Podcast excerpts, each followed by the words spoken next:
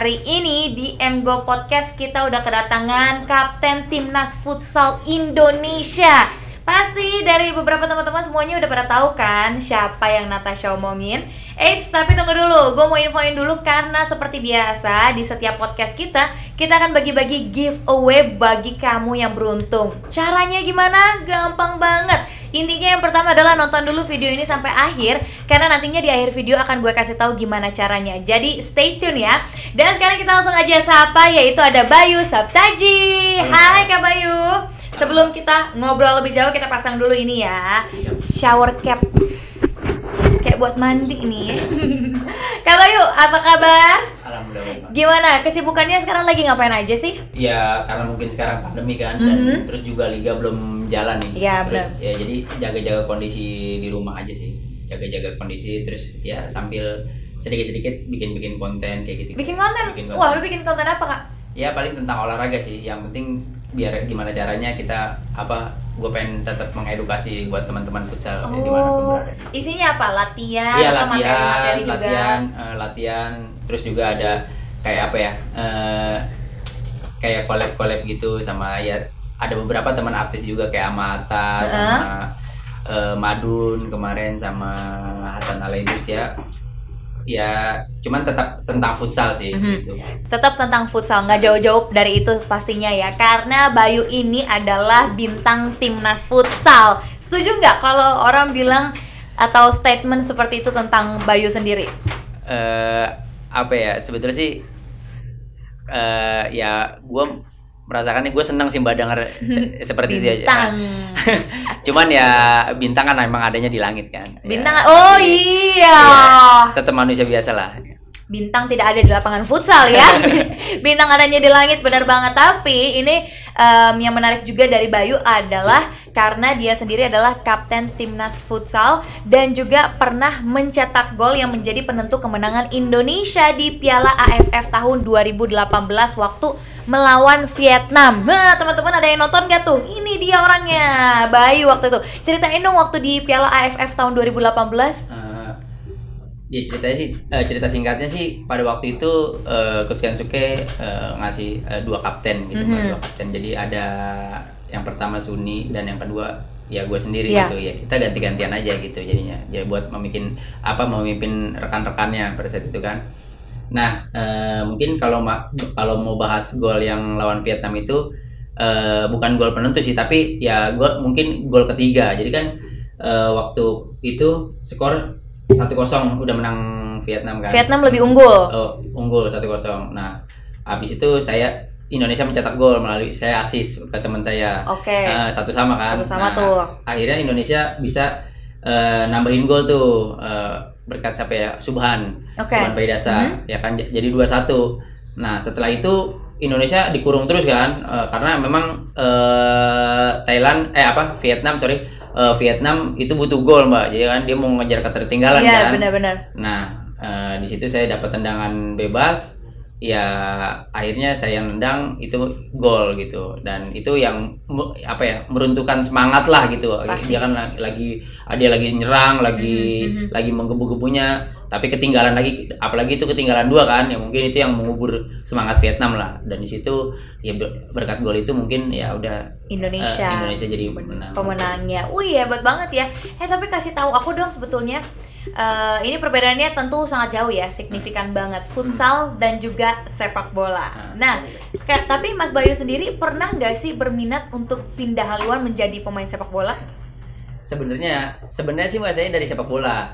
Oh, awalnya Sebenarnya dari awalnya sepak main bola. sepak bola dari SSB SSB sepak bola. Cuman malah saya gagal di sepak bola. Jadi umur 15 itu saya gagal di sepak bola. Eh, Gagalnya kenapa? gagal saya gagal bersaing pada saat Oke. itu. Jadi seleksi gagal terus. Nah, sekalinya saya dapat kesempatan di Persikabo 15 pada saat itu ya saya hanya cadangan mati aja, cadangan, cadangan di bangku cadangan, Mhm. nggak dapat jam bermain gitu. Nah, setelah itu saya frustasi dan setelah itu udah main-main futsal aja di eh, eskul eskul di SMA Oh. kayak gitu Nah, main di sekolah SMA ada kesempatan diajak main sama teman keluar eh udah eh, akhirnya top score dan terus juga di- eh, ada apa eh, salah satu pelatih yang ngelihat bakat saya Mhm. disuruh seleksi ikut apa eh, ternyata disuruh seleksi buat eh, di klub profesional ya akhirnya saya coba akhirnya lolos dan itu di 2011 eh,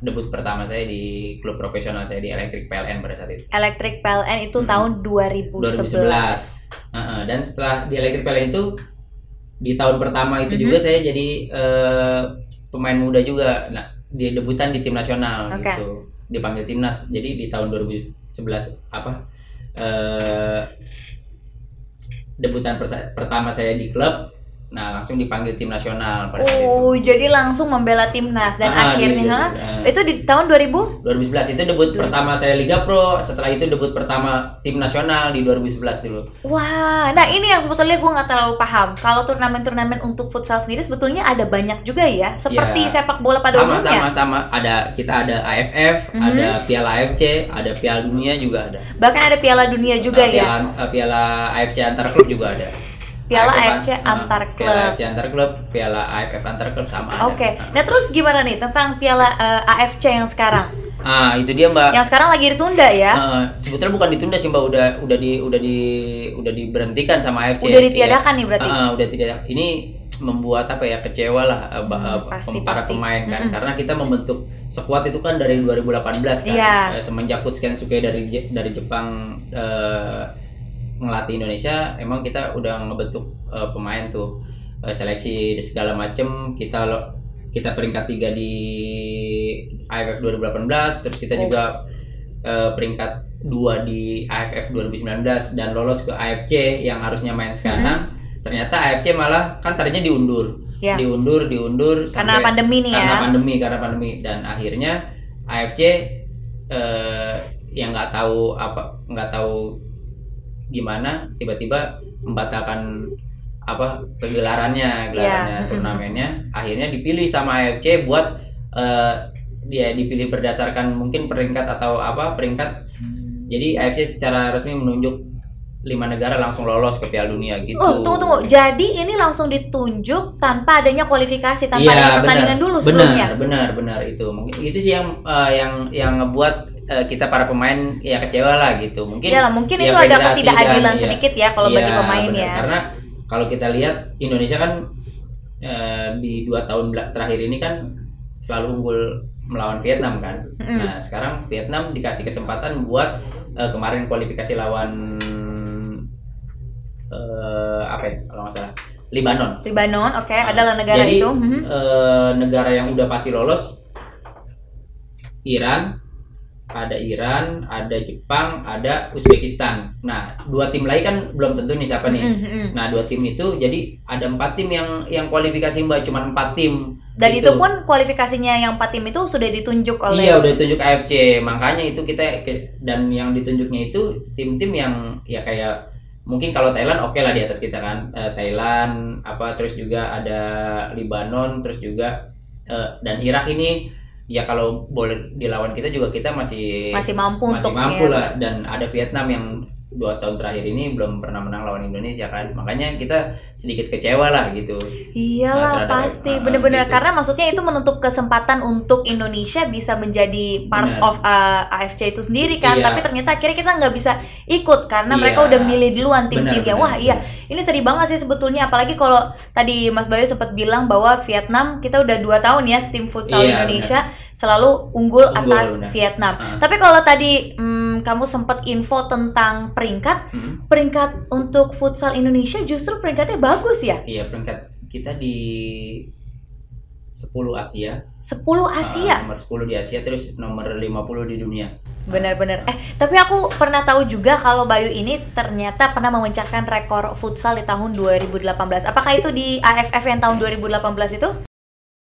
Kalau rekor sih mungkin kalau saya menjadi pemain pertama yang berkarir di luar negeri mungkin saya pernah tapi itu di 2014 saya Oh, menjadi oke. pemain pertama eh, yang ber- berkarir di luar negeri di Liga Cina pada saat itu. Jadi pemain futsal pertama. Hmm, yang berkarir di luar di luar negeri. Saya Oh. eh, bela tim Dalian Yuan Dynasty Liga Cina dan pada saat itu juga saya juara satu pada situ juara satu jadinya ya Wah. eh, eh, karena kan ya mungkin doa orang tua sih mbak karena kan pada saat 2014 itu kan Mhm. eh, bapak baru aja meninggal nih almarhum. 2000 14 2014 bapak. Bapak meninggal terus di Indonesia juga lagi ada vakum eh, apa liganya. Mhm. nah ada tawaran ke Dalian Yuan Dynasty di Liga Cina pada saat itu. Ya udah ada akhirnya saya menerima dan itulah menjadikan saya jadi pemain pertama yang berkarir di luar negeri pada saat itu. Dan terus ya pas sampai sana kan saya ditawarin kan saya mau kalau ibu saya bisa ikut gitu jadi saya ke Dalian Cina sama, Sama ibu. Iya, sama ibu Oh. berdua di sana jadi tinggal di sana selama 8 bulan kurang lebih satu musim dan juara alhamdulillah juga gitu. Apa yang Mas Bayu paling inginkan saat ini? yang dipengenin saat ini eh, bermain di luar negeri lagi sih terus Bermain- ba- eh, bermain di luar negeri lagi bela klub luar lagi bawa keluarga gitu. Bela klub luar tuh berarti Mas Bayu pindah ke klub luar negeri. iya kayak istri kontrak misalnya liga liga liga Jepang atau liga Liga Cina yang kayak kemarin kayak itu kayak gitu ya? tapi bawa keluarga ke sana gitu. Berarti kalau misalkan main bersama klub luar negeri Hmm. waktu Liga Cina itu teman-temannya orang mana aja tuh? Iya, jadi ada pemain asingnya itu ada ada tiga sama saya. Brazilnya satu, Spanyolnya satu, Indonesia saya satu. Sisanya Chinese lokal semua. Chinese semua. Oh, Gitu. sisanya Chinese semua. Uh-uh. Mana yang menurut Mas Bayu paling skillnya paling bagus? Apakah yang Chinese, Brazil, Spanyol? Brazil sih Brazil. Brazil, Brazil. tetap iya Brazil. Tapi untung satu tim ya. Jadi, Iya. jadi kalau misalkan Liga Cina lawannya orang eh, klub Iya klub situ. misalnya eh, klub misalnya nih saya kan dari daerah Dalian kan lawannya Oke. Beijing, Guangzhou. Jadi kalau apa kalau lagi apa main keluar daerah ya lawannya mereka Guangzhou, Beijing, Hubei kayak gitu-gitu. Mana yang paling susah kalau Liga Cina? Shenzhen. Shenzhen. Nah, karena juara bertahan kan. Tadinya kan dia juara bertahan. Dan Dalian itu baru baru juara pas ada saya itu. Ba- maksudnya baru eh, baru juara pas pada tahun saya ke situ ya gitu. Seberapa besar kontribusi Mas Bayu dengan klub yang waktu dibela di Cina itu? Ya lumayan lah, lumayan. Karena Ya. saya mencetak Sampai juara? 12, eh, 12 gol lah. 12 gol. Wow, keren banget. Cuman kan dari dua dari berapa pertandingan ya? Dari dari 20 pertandingan. Kalau menurut saya kurang sih. Belum itu belum, Belum, terdebes belum, segitu belum. belum terdebes gimana caranya ya? Ya tapi maksudnya masih bisa lebih ditingkatin lagi Iya, ya. betul. dan ternyata Mas Bayu punya cita-cita untuk membela eh, liga luar gitu ya. Hmm. tapi ada kesulitan gak sih? Ini yang sebetulnya gue nggak tahu dan pengen nanya sama Mas Bayu juga. Hmm. ternyata bisa ya kalau kayak Mas Bayu main di liga sini terus main juga di liga luar atau kalau udah di luar ya udah nggak bisa Iya, kalau dia udah di di luar nggak bisa di klub sini dulu gitu. Oke. Nanti setelah dia di sana udah udah misalnya udah selesai Mhm. balik ke Indonesia kalau masih bisa regulasinya masih ada bisa tambah pemain ya bisa gitu. Hmm, tapi apa yang membeda ada nggak perbedaan signifikan dari cara karena kan beda negara pasti Mm-mm. cara latihannya juga beda orang-orangnya juga beda Mm-mm. Ada nggak ngerasa kesulitan waktu Kesulitannya sih paling di bahasa mbak, karena kan oh iya benar eh, Hmm. gue kan nggak bisa bahasa Cina kan, dan bahasa Inggris gue juga kurang, jadinya ya itu sangat sulit lah di situ. terus tahu tahu tahu tuh coach ngomong apa ya Kadang ya pakai bahasa Inggris, dibantu bahasa Inggris sedikit-sedikit. ada kayak gitu. translator nggak karena kan banyak Ada. pemain foreign Nah, juga Dua bulan terakhir dikasih translator orang Indonesia. Oh Eh. jadi kayak yang orang Brazil juga dikasih translator Enggak, orang Brazil, dong? orang Brazil sama Spanyol itu eh, translatornya satu. Portugis kan dia bahasa. yes Heeh. yang Spanish juga mungkin Ah. jadinya Portugis Heeh. oh jadi Gitu. sebetulnya kesulitannya eh, di bahasa sih sama cuaca mbak karena kan lagi pas saya datang itu kan bulan November kan Mm-mm. itu Ci- eh, Cina itu lagi dingin dinginnya tuh kadang sampai minus 7 gitu. Hah sampai minus tujuh? Iya karena kan di Parung cuman nggak nggak di Parung? Bisa pertandingannya Iya. ame Di- Parung? di, di Parung tiga tiga puluh dua puluh delapan derajat berapa ya kan? Tiba-tiba ke Cina.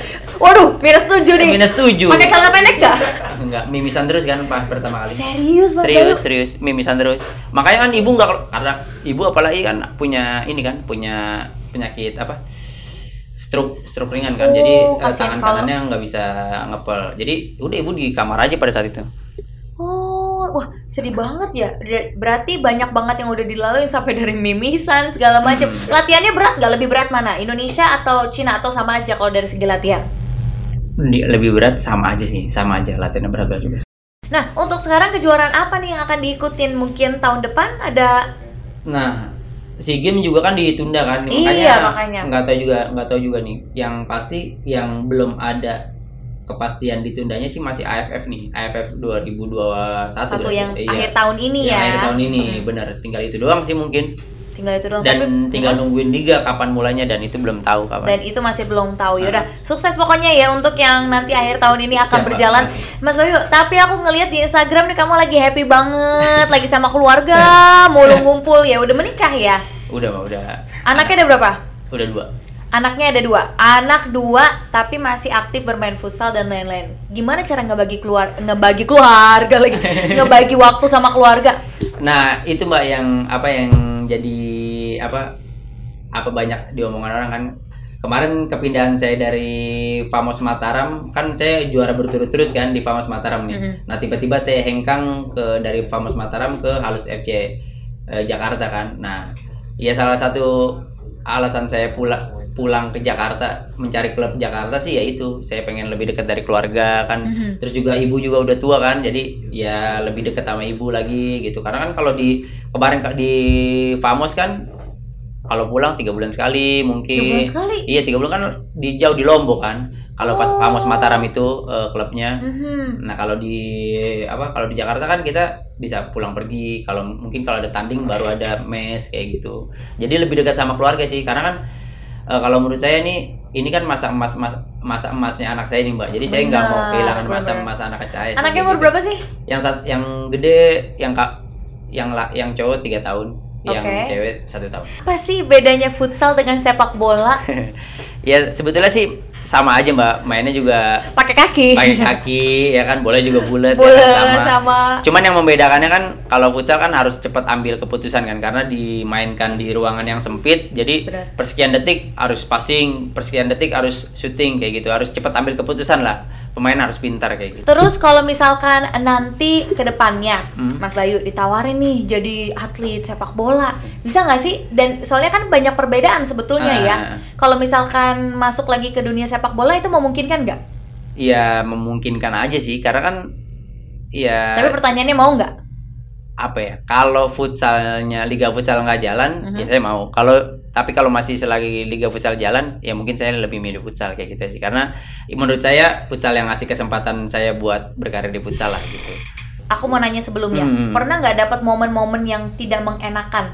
pernah As a pernah banget futsal Iya, atau pernah. mungkin ada orang yang lagi nonton Pernah, kamu pernah. bertanding? pernah pernah itu di 2000 berapa ya 2017 pas kita gagal tuh pertama kali di apa di AFF kan itu nggak lolos grup itu baru pertama kali Indonesia nggak gagal di di fase grup kita kalah lawan Malaysia terus kita kalah lawan eh, Myanmar tapi abis itu kita ngebantai Laos kan tapi itu kekalahan itu bikin kita nggak lolos gitu nah itu langsung saya langsung dibully tuh mbak abis-abisan sama apa Sama supporter. sama supporter Supporter kita, supporter Indonesia. Iya, aman aman netizen, aman netizen itu di 2000 Katanya apa? 2000. Iya banyak yang apa pemain apa main nggak bener lah apa mainnya gitu. Ya menurut saya kan ya kita kan udah tampil ya kita juga latihan setiap hari. Kalau mereka nggak tahu kan kita ninggalin keluarga demi buat latihan, bel- demi bela merah putih dan latihan juga latihan keras. Terus kita latihan sehari dua kali ya kan.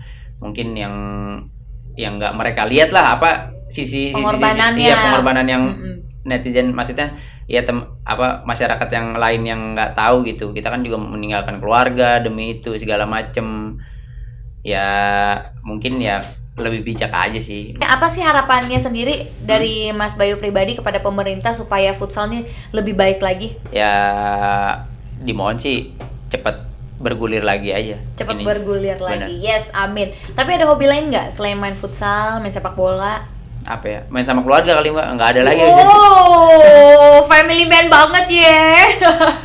main sama keluarga ya. Iya. Kalau istri tadi aku sempat kamu ceritain tentang yang istri pernah juga jadi atlet futsal ya. Benar, itu ada liga-liganya juga untuk. ada ada ada liga liga futsal putri Indonesia Terus Nah, habis sama. itu kalau misalkan dibandingin jelas lebih ini kali ya, lebih dilirik dan orang lebih aware tentang futsal laki-laki kali ya. Iya, lebih lebih lebih aware sih ke laki-laki gitu. Karena kan ya sekarang masih tapi sih sekarang peminatnya udah udah lumayan banyak, Mbak. Karena setiap saya ke lapangan futsal, sekarang udah ada cewek yang main futsal nih. Sekarang Wow, udah keren. uh, udah udah beda banget sama zaman-zaman dulu kan. Kalau zaman dulu kan emang futsal cenderungnya olahraga uh, cowok kayak gitu kan. Iya. Kalau sekarang setiap ke lapangan futsal pasti ada satu dua tiga ah, bahkan satu tim putri full lapangan iya Tapi kalau dari Mas Bayu sendiri kan udah banyak melawan klub ataupun negara, ya Hmm. kan? Klub mana yang paling sulit dilawan? klub ya kalau klub sih kalau di Liga Indonesia sih apa ya klub Liga Indonesia apa Liga luar ya mbak Hmm, Liga Indonesia dan Liga luar deh. Oke, Liga Indonesia mungkin apa ya? Paling susah sih ada Black Steel Manokwari sih. Black Steel Manokwari Hmm. itu yang Eh, salah satu iya dari. Papua, iya Manokwari Papua. Kenapa mereka? Ya kemarin kan pelatihnya dari Thailand kan, terus juga dia ada pemain asingnya dari Brazil dua Hmm. Heeh. dan itu pemain kelas dunia sih kalau menurut saya. Liga luar Naf Al Wasat kali mbak. Itu dari mana? Naf Al Wasat dari mana ya? Irak kalau nggak salah. Irak ya. Dari Irak itu Ah. salah satu yang paling susah. Kalau negara, Kalau negara mungkin apakah yang pernah. Jepang? Jepang susah nggak sih? Kalau negara Pernah lawan Jepang? Iran kayaknya. Iran justru yang paling Jepang susah. Jepang susah, tapi Iran saya yang saya udah pernah lawan Iran susah banget sih. Kenapa mereka lebih? Karena dia punya skill individu yang bagus juga kan. Terus juga Hmm. posturnya juga bagus-bagus kan, gede-gede. Terus juga bisa bisa apa? Bisa skill individunya luar biasa lah kalau menurut saya gitu. Tapi kalau dari pendapat Mas Bayu sendiri, kalau bibit muda futsal saat ini tuh seperti apa sih? Wah, kalau bibit futsal kalau saya rasa kalau sekarang udah mulai luar biasa sih Mbak karena kalau zaman dulu kita lawan anak-anak SMA tuh gampang, masih belum karena mereka belum belum tahu apa ya, masih awam lah kayak gitu. Iya. Kalau sekarang pemain-pemain tuh udah pada aware, anak-anak futsal SMA juga udah udah udah udah susah dilawannya. Oke, nah Mas Bayu, sekarang kita akan masuk ke segmen Question of Life. Siap. Jadi nih, Question of Life ini nanti aku akan kasih pertanyaan. Hah? Gampang banget kok, cuma tinggal jawab cepet dan juga jawab jujur. Oke, Berani terima tantangan ya? siap. Oke, gini. Kalau saya nggak main futsal lagi, Hah? saya akan menjadi Pengusaha. pemain timnas futsal yang paling nggak lo suka. Hmm, siapa ya? Suka semua sih Mbak kayaknya. Masa kalau itu. sih? Em, kalau kalau jawabannya kalau, jawabannya masalahnya gue itu salah satu senior yang yang dekat ke, ke junior gitu jadi gue Oh. jadi ya ke teman-teman sebaya deket teman-teman ke bawah juga deket sih Negara mana yang paling gue sebel kalau gue lawan? hmm, Thailand Thailand. Hmm. Ini paling sebel kalau lawan Thailand. Iya. Kenapa? ya jago gitu aja karena dia jago Karena dia jago iya gitu susah ya. banget lawannya Mencintai atau dicintai? dicintai Kenapa? ya karena enakan dicintai Pak. bener juga sih. Iya kan? Iya bener-bener. Iya lah. Hal yang membuat Mas Bayu bahagia ketika sama keluarga ketika sama keluarga. Lagi-lagi keluarga nih orang emang family man banget. Dulu menikah umur berapa sih? 25 Kapan terakhir kali Mas Bayu menangis? saat kalah saat kalah kemarin Masa? iya jadi Kenapa? kalau sebetulnya sih ini apa ya eh, sisi yang jarang orang tahu ya Eh, gue setiap kali kalah itu gue pasti nangis mbak tapi nggak di lapangan tapi sama istri gue gitu Serius? serius kalau kalau main kan apalagi kan membela halus kan ini di halus ini kan gue emang peringkat peringkat halus ini peringkat pertengah lah peringkat tingkat liga tengah. Itu gue hampir tiap main kadang kalah terus kan. Ya itu gue emang nangis terus gue sebetulnya. Karena ini kali ya, mental seorang pemain mungkin kadang kita ngelihatnya di lapangan tuh kayak keren, Iya. gagah. Nah, karena gue emang emang sebetulnya gue orangnya sebetulnya nggak bisa kalah gitu aja. Kadang yang yang yang jadi penyesalan gue tuh ketika kita pengen belajar dari hari kemarin kan. Nah tiba hari ini kalah lagi jadi aduh Aduh, itu, kok iya. belajar padahal. Ah, ah, kadang kadang kita nggak apa ya kadang kita gitu kan aduh masa gue nggak belajar sih dari kemarin gitu padahal Padahal kan kita- bukan cuma Mas Bayu itu kan tim iya, kerja sama kadang tim kita kan. pengen yang lebih baik lagi gitu Udah. Terus kalau udah kalah nangis besoknya kalah lagi gimana? ya udah diem aja udah udah udah Males males, aja udah, kayak nangis udah males. Iya. Paling kita bisa paling kita bisa ya balasnya di latihan kan latihan ayolah Menurut Mas Bayu udah bisa bahagiain kedua orang tua belum? Waktu almarhum ayah masih ada? belum sih mbak kayaknya itu karena eh, dulu cita-cita kan pengen berangkatin haji kan orang tua kan Hmm. tapi baru bisa sampai ngeberangkatin ibu doang umroh kemarin sama saya berdua gitu ke bapak udah nggak ada duluan gitu Tapi pasti orang tua bangga ya ngelihat Ya, Mas Bayu mudah-mudahan sampai sih, saat mudah-mudahan ini bangga. apalagi. Oke, eh, next question.